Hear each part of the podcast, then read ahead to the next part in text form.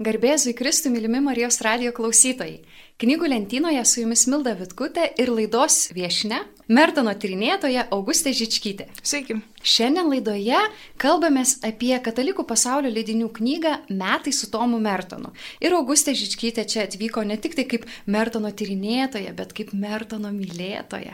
Tad Augustė, kaip tu susipažinai su Mertonu ir kuo jis svarbus tavo gyvenime?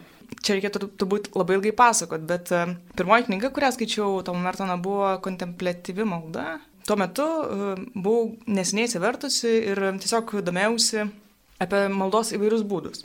Ir man Mertonas mane patraukė kaip e, tokios tylios maldos arba buvimo su Dievu, nieko nesakant, tiesiog pačiu, pačiu buvimu meldžiantis ir ieškant Dievo. Tokia patirtis. Aišku, tai mane skatino pačiai bandyti tai į savo gyvenimą įtraukti tokį maldos būdą. Aišku, ta pati knyga tai labai istorinė ir ten daug visokių niuansų. Žodžiu, aš ją bandžiau skaityti ir antrą, ir trečią kartą ir man vis, vis net keista, galvojant, kaip jinai mane galėjo patraukti, nes vėliau ir ten nuosis kontempliacijos sėklos, ir Sapnaukštis kalnas, autobiografija, autobiografija buvo labai džiugu skaityti, nes nu, irgi toks jau jaunas žmogus, radikalus, atsivertęs, pasakoja apie savo tikėjimą ir labai daug tokių sąsajų su savo gyvenimu.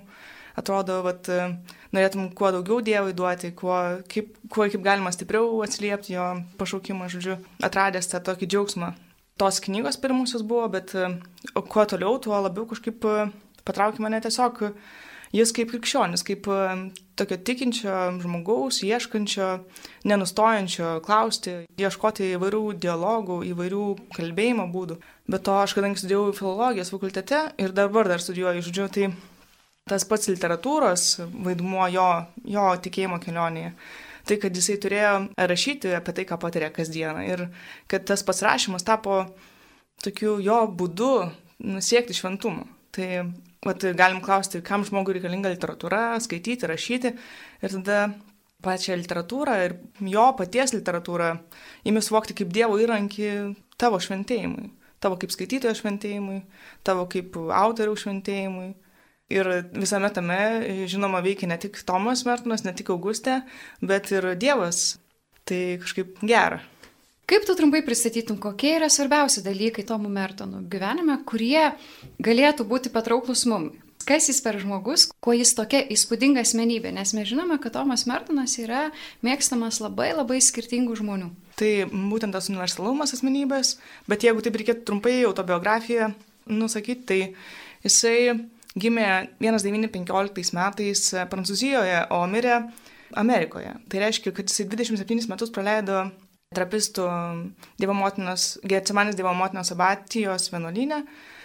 Žodžiu, jis gyveno per antrą pasaulinį karą ir antro pasaulinio karo patirtis skatino vat, e, tiek žmonės rinktis vienuolinį gyvenimą, tiek tuos, kurie m, mm, prado viltį ieškoti to, kas galėtų įkvėpti jiems vilties. Ir tada Tomo Mertono pavyzdys, kaip jauno jaunuolio, baigusio studijas Kembridže, besimokusio New York'e, gyvenusio bohemišką gyvenimą ir staiga pasikrikštijusio ir jau būdamas suaugęs, jisai taip labai radikaliai, aišku, atmetė tą pasaulį. Ir vienuolynas jam tapo kaip jis pats sako, naujosios laisvės sienomis. Ir jis tą vienuolyną taip e, nuoširdžiai priėmė tą kunigo pašaukimą, taip e, aktyviai išgyveno, jo kunigiškam pašaukime tilpo tai visa gamta, visi žmonės, visi, nežinau, tie žmonės, kurie rašė jam po jo 17 kalno pasirodymo 1948 metais.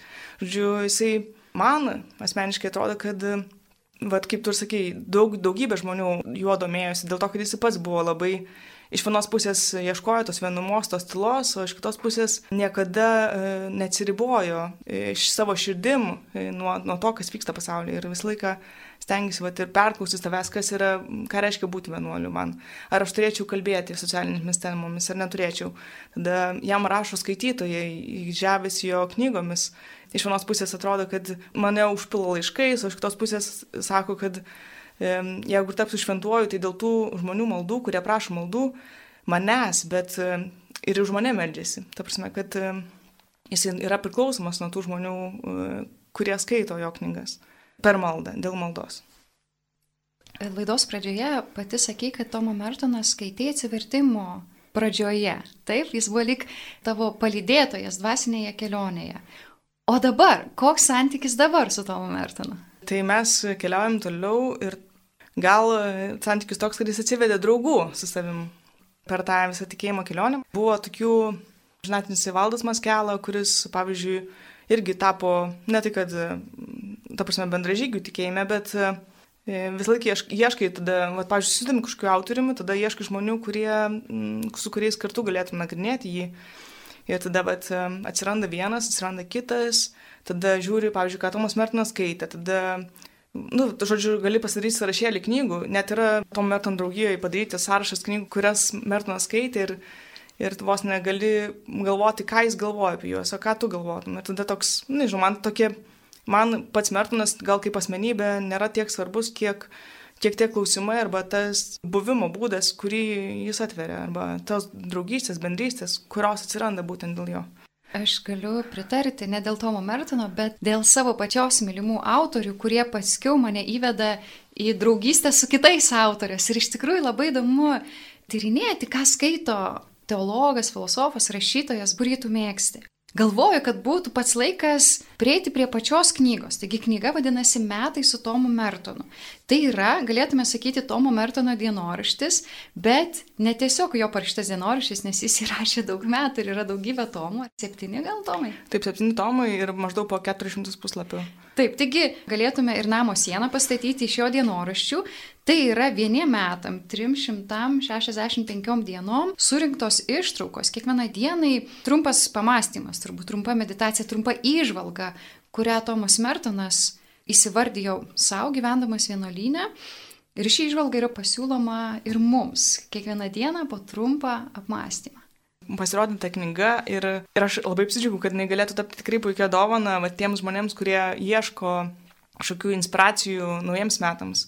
Nes, pavyzdžiui, dabar ruošiesi laidai ir tarsi skaitai nuo, nuo sausio pirmosios ir tada atrodo, hm, kažkaip gal aš atsiversiu gruodžio mėnesį. Apsime, vis tiek tu jautiesi Vat, kad ta knyga ragina eiti kasdien, bet e, ta kasdienybė gal ir prasidėtų su nueisiais metais labai puikiai. O dabar vat, e, toks kaip ir gaunasi toks mėtymasis Taip, ieškant. mes tie knygų pristatinėtojai laidose esam nuskriausti, kadangi knyga yra skirta skaityti palengva kiekvieną dieną po puslapį, o mes turim suryti kaip advento kalendorius, ar ne? Šita knyga yra advento kalendorius tik kiekvienai metų dienai. Kiekvieną dieną išsitrauki po Mertono šokoladuką, o mes apsirėlės truputį kitokiu būdu ją suskaitėm ir kitas pojūtis, ar ne? Bet vad įdomu, pavyzdžiui, Galim klausti, kodėl Mertonui buvo svarbu tą dienoraštį rašyti. Tai vienas iš atsakymų mano būtų, kad tiesiog kasdienybė, kai tu apmastai ją arba apmastai rašydamas, kaip Mertonui buvo tarsi būtinybė prašyti e, kažkokį savo patirtį, tai tu matai, kad tas Dievo artumas e, nepriklauso labai dažnai nuo kažkokių ekstatinių patirčių arba ten, nežinau, švenčių nuolatinių e, kažkokių susitikimų, bet, e, pavyzdžiui, Mertono pavyzdys įrodo, kad jam ir gamta kalba, ir broliai tampa vat, tuo, tais įkūnijančiais tas teologinės tiesas, ir tai yra labai labai tikra. Dėl to, kad e, tu matai žmogų, kuris e, vat, klausia, svarsto, prisimena, koks jis buvo prieš kelis metus ir bando atpasakoti savo, apibūdinti savo, kaip jis pakito, kaip jis nepakito. Ir labai dažnai arba jis labai labai kardinaliai skiriasi nuo to, apie kurį jis kalbėjo, pavyzdžiui, net ir savo autobiografiją jis po to gan taip kritiškai vertino, dėl to, kad jinai jam pasirodė per daug radikali, bet atsivertimo pradžia dėl to ir, nu, toks, tokia tiesiog yra patirtis, kad tu labai dažnai labai nori atsiriboti nuo to, koks buvai. O kai kada, jisai kaip tik rašo, kad praėjo šeši metai aš lygiai taip pat ieškau Dievo ir lygiai toks pat esu varguolis Man lygiai taip pat reikia Dievo malonės ir ateiniu vienuolyną mylėti. Ir tai yra viskas, ką aš galiu. Tai yra atnešu Dievui. Skaitydama jo šitas dienoraščio ištraukas, galvojau, kodėl pati rašau dienoraštį. Ir supratau, kad aš įrašau, kad užfiksuočiau ir įsivardinčiau savo tos vidinio gyvenimo judesius. Ir kartais man nepavyksta tiesiog mastant suprasti, kas su manim vyksta ir man reikia rašymo, kuris sutelkia ir padeda iš tikrųjų suvokti, kas vyksta manyje. Kaip mes dabar gyvenam tokiam pasauliu ir nelabai daug kas moko sutelkti dėmesį. Visas pasaulis yra lik ir susimokęs mus išblaškyti. Ir tada rašymas yra, man turbūt, vienintelis būdas iš tikrųjų sustelkti ties savimi. Aš nesu Tomo Mertino mylėtoja. Tai yra mano pirmas sutikimas su juo. Tai yra patys pirmieji tekstai, trumpi jo pamastymai, trumpos dienos apžvalgos, tai yra vieninteliai dalykai, kuriuos aš skaičiau. Nesakyčiau, kad labai staiga pamėgau Mertoną. Gal man reikėtų laiko, nes kaip kalbėjom, tekstą, kuris skirtas skaityti po truputį, sušlamštėm labai greitai. Bet man buvo labai artimas jo rašymo būdas. Tai yra, kad per rašymą tu meldiesi, tu apmastai, suvoki, kas vyksta. Ir kaip sakiau, Gustė, jam įkvėpimas nebuvo kažkokie didingi įvykiai, bet iš tikrųjų maži dalykai. Kažką vienas brolis padarė. Staiga pastebėjau, kad visi broliai prieš mirtį nori kažkur sugrįžti. Tokia kasdienybė, kuri atrodo lik ir kiekvieną dieną tokia pati, bet staiga kažkada tau jį prakalba. Tai tai man buvo labai artima. Galėjau sakyti taip, Tomai Mertonai, ir man tai būna. Ta ištrauka, kur tu minėjai apie tą brolį, Mertonas rašo, kad prieš mirtį kiekvienas, ten buvo pora berots brolių jo minėtų, kad vienas ieško savo nupjautos kojos, protezo, kitas nori atsikelti iš ligoninės, žodžiu, vienuolino ir grįžti į savo gimtąjį miestą. Ir Mertonas tai sieja su istorija apie pasiklydusią avį arba pamestą drachmą. Ir man iš to vat, įrašo, ten kovo 23-osios biuros buvo labiausiai įstrigo, kad mes taip stengiamės pabėgti nuo Dievo malonės, pavyzdžiui, net ir mirtis tam tikrą prasme ir pačia tikriausia prasme yra Dievo malonė. Kvietimas arba raginimas dar arčiau Dievo pažinti, pilnai regėti tai, ko dabar priemi tikėjimu. Žiūrėjau, ir mes bėgam nuo tos Dievo malonės ir Dievas vis tiek randa būdų mūsų atrasti. Tai vis tiek ta mirtis įvyksta. Arba tu gali sakyti, kad, kad ir kaip aš bėgčiau nuo Dievo. Jisai vis tiek yra galingesnis už mano tas pastangas arba tą kažkokį susierzinimą, tokį, nežinau, inkštimą arba tokį nuolatinį troškimą kažkur judėti ne ten, kur esu, ne čia ir dabar, o kažkur kitur. Čia mes galim labai filosofuoti apie tai, e, kur mes būtumėm laimingi, bet e, man atrodo, Mertinas vat ir siūlo, kad jisai paslaimingiausias yra vienuolinė ir turbūt paslaimingiausias yra būdamas rašytoju, būdamas vienuoliu kunigu.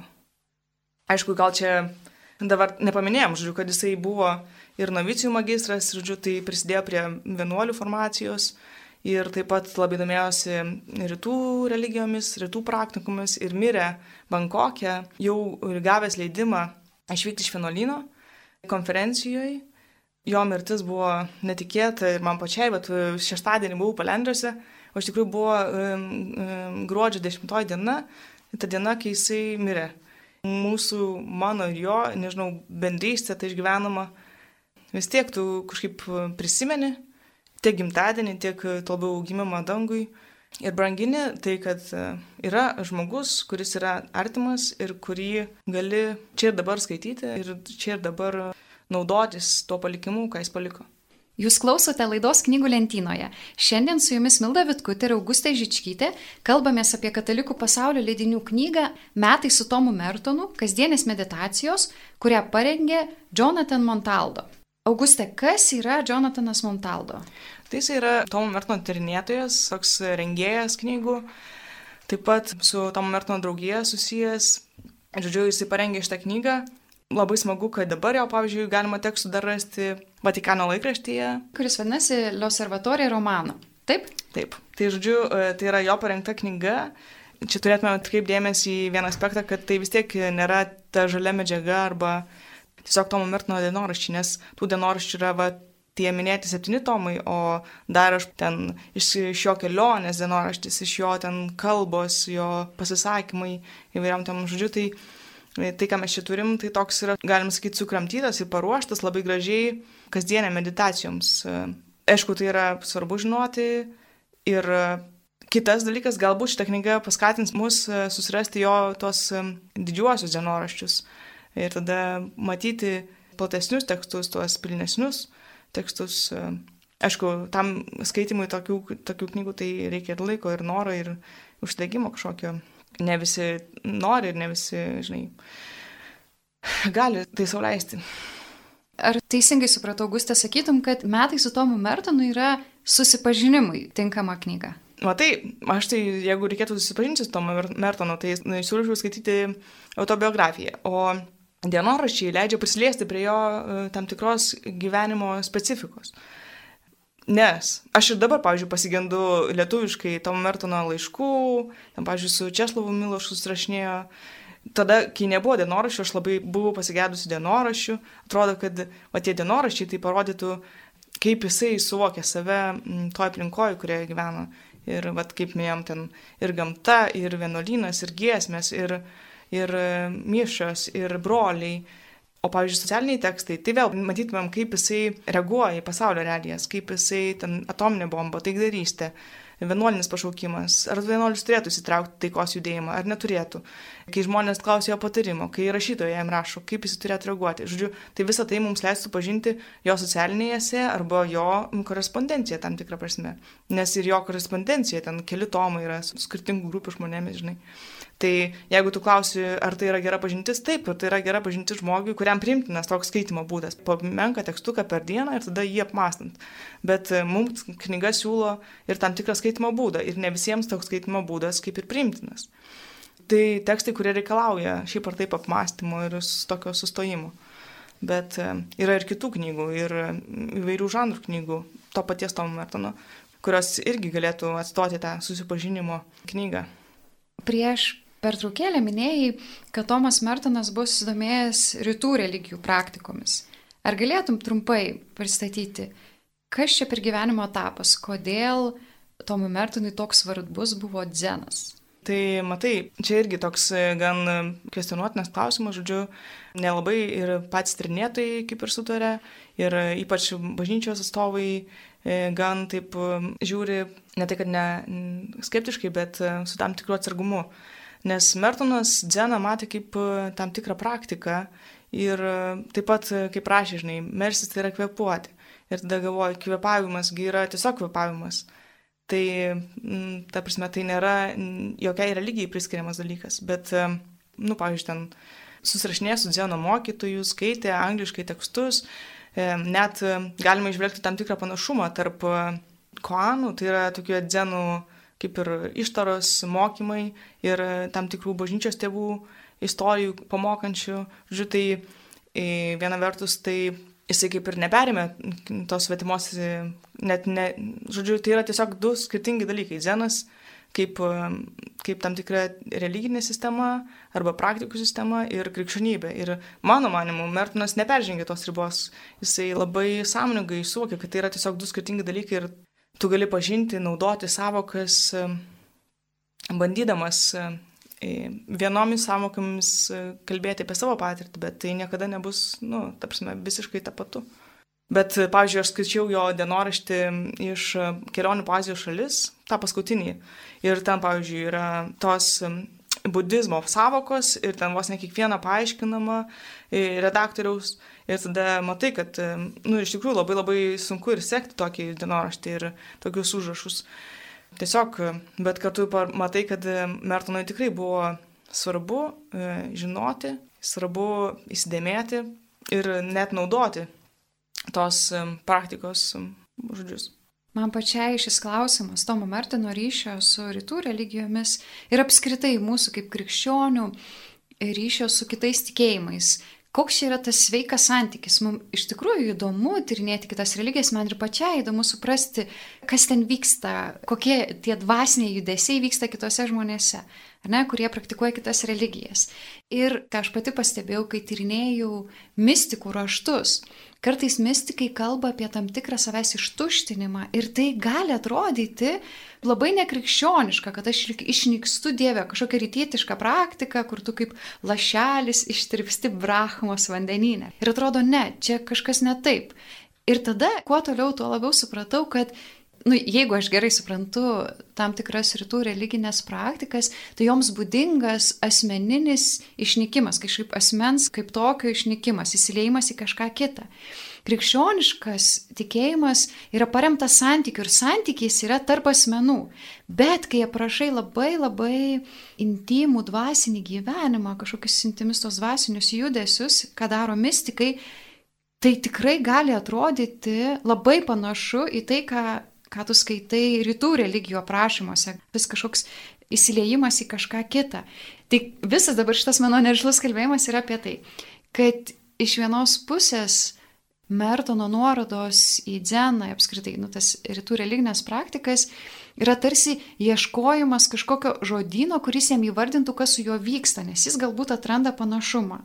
Kaip, pavyzdžiui, aš kartais labai mėgstu iš draugės informatikės perimtą frazę, kai tyrinėjai, kas vyksta su tavo gyvenimu, turi išsiaiškinti, ar čia yra feature ar bug, ar tai yra dalyko savybė, ar yra klaida. Ir jeigu, pavyzdžiui, tu kažkaip labai labai esi sumišęs, labai tavo vidinis pasaulis sukrestas, turi pasitikrinti, gal iš tikrųjų pasaulis taip veikia ir aš dabar esu labai nedekvačioje situacijoje ir dėl to mano tokie patyrimai yra nedekvatus. O galbūt iš tikrųjų ne. Su pasauliu viskas gerai, čia yra mano klaida, aš esu per didelis narcizas, ne, ir man labai skauda nuo to. Tai aš galvoju, Ir klausiu tavęs, Augustė, kaip tau atrodo, ar Mertono susižavėjimas rytietiškų pasaulių buvo jam paieškos žodino, kuriuo jis galėtų išreikšti, kas vyksta jo dvasinėme gyvenime? Ar tu matai kažką kitą? Mm, galbūt kalbėčiau apie tuos ženklus kitose religijose, kurioje yra tos ir tos sėklos krikščionybėje išsipildančios. Ir Mertonui kiek aš prisimenu, kadangi vis tiek šitas, šitas aspektas gal nėra man pats svarbiausias jo gyvenime, žodžiu, tai jisai vis tiek stengiasi mokytis iš tų kitų religijų atstovų. Ir tas mokymasis nėra, kad aš perimsiu tavo savokas arba, arba nežinau, pasidėsiu žėdamas į sieną, žinai, bet e, toks gilusis, gil, giliosios bendrystės arba gil, giliųjų tokių esminių žmogaus prigimties impulsų perėmimas. Ir tai, kad, žinai, malda arba e, kontempliacija kaip, nežinau, kaip maldos būdas, e, net ir ne, nesimeldžiant e, triesmeniam Dievui, arba net ir e, tiesiog gyvenant tuo dzenu, e, kaip ta tikėjimo praktika, jam buvo brangu iš tos pusės, kad e, tai vis tiek yra daug senesnė, žinai, religija negu krikščionybė. Bet e, aš pati taip visą šitą jo, ten jisai buvo, žinai, ir su, susitikęs ir su tais tikėjimo lyderiais, aš džiudzeno ir ieškojo tarsi savo e, kito ermitažo, ne, nebūtinai Getsemanėje. Ir žodžiu, yra buvo tokių visokių bijančių, kad jisai galbūt pasiliks toj dzeno praktikoje arba tam budizme bet aš gal likčiau prie to, kad ir kaip e, susižavėjęs būtum, kad ir kokios bendrystės norėtum, vis tiek e, iš tavo akiračio, ne, žinai, Kristaus auka niekada e, nedingsta. Ir pritarčiau tau, kad galbūt jis ieškojo savokų, ieškodamas sąsajų tarp religijų, žinai. Bet nemanau, kad jisai nesuprato skirtumą tarp to, ko tu gali išmokti, bet niekada, pavyzdžiui, mes kalbam, čia aš nesiniai rašiau žodžių straipsnį apie kitą knygą apie Mertoną, tai ten, žinai, mes kalbam apie Mertoną, kuris e, domės ir tų religijom, bet užmirštam, kad jisai buvo kunigas, kad jisai paskutinę savo kelionę ten ir mišės aukojo, ir dalyvavo, ir kad šventųjų relikvijų buvo prisivežęs, ir kad turėjo dovanų, tapsime, ikonos kalbėjo jo ermitažė, kad mes labai norim jį matyti kaip tokį pusiau budistą, bet žmogus labai sąmoningai išliko tam savo katalikiškam pašaukime. E, vienuoliškam, kunigiškam pašaukime. Prisimenu tą patį kalbėjo ir viskupas Robertas Beronas, amerikiečių viskupas Robertas Beronas. Jis sako, taip, kai kurie abejoja Tomo Mertono katalikiškumu, jo tokiu grinumu religiniu ir sako, bet iki paskutinės dienos jis kasdien aukodavo šventas mišes, jis iš tikrųjų pilnai išgyveno savo kunigišką pašaukimą. Gerai, pereikime nuo Tomo Mertono prie Augustės. Vis dar pasiliekame E, Tomo Mertonė šalia mūsų, jis vis dar tarp mūsų, bet man pačiai įdomus, Augustė, tavo pačios gyvenimas, kadangi tu nesi katalikė, tu esi literonė, savo įsivardijus esu, kad tu esi katalikų fanė, mylinčioji. Ir tu pasakai man, kad per Tomą Mertoną susipažinai ne tik tai su daug krikščionių katalikų autorių, bet taip pat ir su grigališkoju choralu. Taip, ir man pačiai ši patirtis ir tas Mertono gebėjimas vat, kviesti naujus iššūkius arba parodyti, kad yra tam tikra tradicija katalikų bažnyčioje arba bendrai galvojant ir paskatinti imtis jos. Pavyzdžiui, Mertono dienoraščiuose mes ir šitam, šitoje knygoje randam daug latiniškų citatų, tada palauk, palauk, latinų kalba, čia kažkas, kažkas, randam labai daug jo e, tokių paraginimų arba atpažinimų savo patirties psalmėse. Ir tada vat, klausimas, kaip, pavyzdžiui, valandų liturgija, kai mes gėdam, kiek e, tas žodis, kurį mes gėdam, tampa mūsų gyvenimu, arba kaip mes naudojamės psalmėmis kaip priemonė, ar mes iš vis matome save kaip e, galima tokių, čia kabutėse sakant, psalmių autorių, ar tie žodžiai galėtų sklisti ir iš mūsų lūpų, taip nuoširdžiai. Ir e, visus šios klausimus, aišku, aš apmastau gėdodama grigališkai choralą. Ir e, galim klausti savęs, vat, ar naudojam psalmę savo maldai, ar nenaudojam, ar ta vienuolinė tradicija, gėdojimo tradicija, ar jinai reikalinga šiandien e, pasauliečiams žmonėms, ar mes tik vienuolinę galim tai praktikuoti. Mertonas labai įdomiai, pavyzdžiui, aš kartais e, ne tai, kad žaidžiu, bet iš tikrųjų susirandi kokį ten solezmas, Ir tada įvedi į paiešką ir galvoji, kur čia jis minėjo. Ir tada sužinai, kad ten jo citatos apie tai, kad Soleme yra irgi įvairių gėdančiųjų, kad Solemo vienuoliai išgirdę gėdančius amerikiečius vienuolius trapistus, turbūt ten aušis užsilenktų, nes visai skirtingas yra gėdojimo patirtis. Arba tu matai, kad jie patys bendruomeniai rašinėjo kompaktinį diską Girgalčio choralo Tada tu gali ir susirasti YouTube'ai, paklausai. Tada ten Mertonas irgi kalba apie tai, kaip jam, kaip jam sunku gėdoti chorę, kaip ten, arba jeigu jis yra kantorius, kaip jam sunku, va, reikia ruoštis dar papildomai ir kaip jam palengvė, kai e, nebereikia gėdoti. Kažkas kitas taip, perima taip, kantorius taip. pareigas. Tai visą tai, tu aišku, atpažįsti.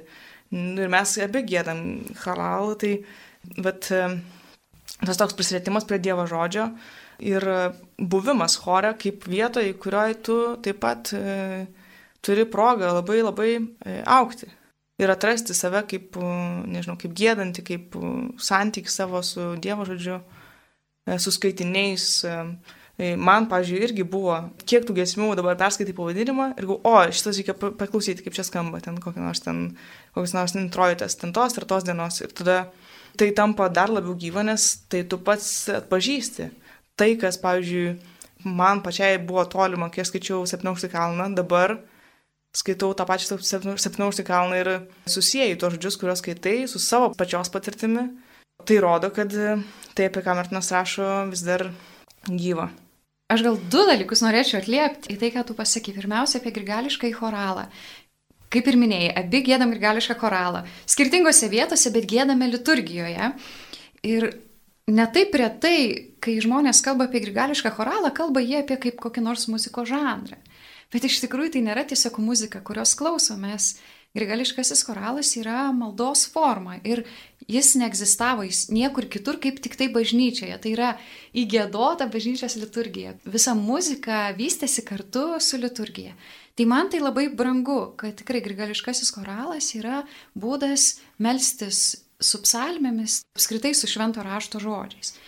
O kitas svarbus dalykas, čia turbūt ką minėjai ir laidos pradžioje, kad iš Tomo Mertono, o gal tu su Tomo Mertono pagalba, tu susipažinai su kitais žmonėmis, ne tik tai su tais, kurie skaito jį, bet kažkaip Tomas Mertonas taip lik netyčia įveda mus į bažnyčios tradiciją. Jisai rašydamas dienoraščius, pasakoja apie savo gyvenimą, kuo jis gyvena, kaip jis meldžiasi, kur jis vaikšto, kur keliauja.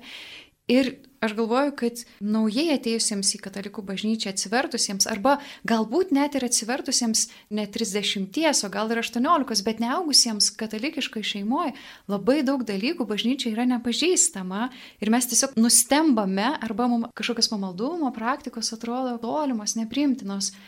Tai aš irgi taip trumpai pakramčius Tomo Mertono tas dienoraščių ištraukas, pamačiau, kad tai yra patrauklus būdas susipažinti su labai plačia mūsų bažnyčios tradicija, kad ji yra visokia ir skaitytinė, ir gėdotinė, ir kojomis vaikščiojama, ir išklupima, visokių visokiausia. Ką svarbu suprasti skaitytojam?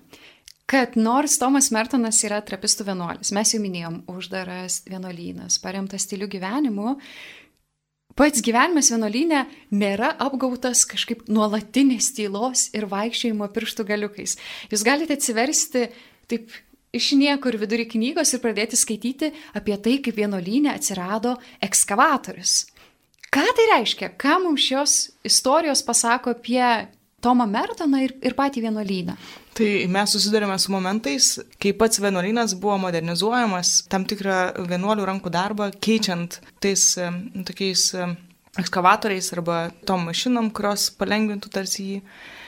Ir, vad kaip tu ir sakai, toks triukšmas, tai žinai, jį kelia ir varlės, ir paukščiai, kurie supa Mertoną. Ir E, nežinau, ar šituose dienoraščiuose buvo minėta, bet e, ir paukščiai, kurie per mišes skraido, ir karštis, kuris išpila vienuolius ir dėl to tampa sunku kvepuoti, dėl to vienuolinės tampa pirtimi, ir e, lėktuvai, kurie skraido dėl karo, ir, nežinau, tokių visokių, žinai, tarsi pašalinių, bet tarsi labai labai tą vienuolyno, tokią sterilę aplinką perkeičiančių ir raginančių vienuolius pačius tiesiog ieškoti tos tylos turbūt labiau vidinės, ne tiek būtinai, kad visi aplinkui tyli. Nors vienas iš smagiausių dalykų, turbūt ką aš norėčiau išmokti, tai būtų vienuolių ženklų kalba. Atrodo, kaip dažnai mes užuot išreiškę tai, ko norime tiesiog gestais, kalbame apie tai. Nors vienas, pavyzdžiui, rankos gestas, ten, pavyzdžiui, džiaugsmas arba padėka arba, nežinau, kryžiaus ženklas, kiek jisai mums dabar galėtų pakeisti daug ką mūsų, mūsų žodžius, mūsų tas tekmes, kurios tarsi nesusodamos e, iš mūsų burnos, burnų sprūsta, kiek e, tai viską palengvintų. Kaip rašė pats Mertonas, pasakodamas apie šio naujosios mechaninės pabaisos atkeliavimą į vienuolyną, jis sako, ji taip siaubingai rūmoja, kad neįmanoma išgirsti savo minčių. Ir aš galvoju apie tai, kad ne tik tai mašinos riaumoja, mūsų beprasmis kalbėjimas, mūsų nuolatinis tauškimas irgi neleidžia kitiem išgirsti jų pačių minčių. Tai aš irgi antrinu tą Augustę, norėčiau, kad sugrįžtų daugiau ženklų kalbos į mūsų gyvenimą, arba kad mes perimtą vienuolinių, bent dalį vienuolinės ženklų kalbos, kaip pavyzdžiui, liturgijoje gėdant, kai suklystame gėdant grigališką choralą, mes naudojame šį ženklą, mėja kulpą, ne, mušimą į krūtinę. Ir atrodytų toks geras ženklas, juk ne visą laiką, kai gyvenime padarai klaidą, būtina daug žodžiauti, gali parodyti ženklą ir nepertraukti kito žmogaus gyvenimo savo perdėm išreikštais atsiprašymais. Taip, taip, pritarčiau. Tad laidos pabaigai, Auguste, kam rekomenduotum knygą Metai su Tomu Mertonu? E, tai pirmiausia, rekomenduočiau tiems e, žmonėms, kurie galbūt mažai pažįsta Tomą Mertoną arba tiems, kurie nėra skaitę jo dienoraščių arba nori susipažinti, apie ką jis rašė, būdamas, gyvendamas kasdienybėje. O kita vertus, tiems žmonėms, kurie e, galbūt yra įpratę kasdien pasirinkti kažkokį skaitinį, turi mažai laiko arba įpratę skaityti kažką kasdien. Kaip kasdieniai skaitimai galėtų būti šitą knygą. Ar galėtume sakyti, kad tai būtų tinkama kasdienės maldos skaitinių knyga? Manau, kad e, norėčiau tikėti, kad e, tai būtų proga kiekvienam iš mūsų bandyti ieškoti tos vienumos, kurios iškojo Martinas ir bandyti atpažinti tiek savo pašaukimą. Žinai, gal kažką patrauks būtent toks gyvenimo būdas dėl to, kad pas jūs pašauktas į vienuolinį gyvenimą. O gal kažkas perskaitęs e, pamatys aplink save šventuosius arba supras, e, kokia svarbi yra užtarimo malda ir kaip svarbu jos prašyti kitų žmonių, arba e, vat, e, tą kunigo, kunigystės grožį. Tai čia tokie aspektai svarbus Mertonui gali ir mums tapti svarbus per Mertoną. Taip pat šią knygą rekomenduočiau ir smalsuoliams, kurie smalsauja apie vienuolinį gyvenimą. Primenam, kad Tomas Mertonas buvo trapistų vienuolis, labai uždaro, tyloje gyvenančio vienuolyno vienuolis. Tai tiems, kurie galvoja, kad vienuolinis gyvenimas yra atsiribojimas nuo pasaulio, sienų pasistatymas ne, ir nutraukimas ryšių su pasauliu, tai Tomo Mertono pavyzdys yra kaip įrodymas, kad vienuolinis gyvenimas yra meilės kupinas gyvenimas, meilės, kuri geba sutalpinti visą pasaulį. Kadangi mes visi esam truputį smalsuoliai, tai greičiausiai ši knyga tinkama tiek tikinčiam, tiek netikinčiam žmogui. Aš tai pritarčiau. Dėkoju labai už e, knygą, dar kartą leidyklai, kad išleido. Ir lauksim kitų Tomo Mertino knygų lietuvių kalba. Ačiū Jums, mylimi Marijos radio klausytojai, ačiū Auguste, ačiū už malonę pažinti. Nors mes čia bendraujam kaip kokios senos draugės, iš tikrųjų mūsų pažintis irgi įvyko per Tomą Mertoną. Linkime ir Jums, mylimi Marijos radio klausytojai, susipažinti ne tik su Tomu Mertonu, bet ir per jį, su kitais bažnyčios nariais ir su gyvybės tiršta bažnyčios tradicija. Sudė. Sudėjau.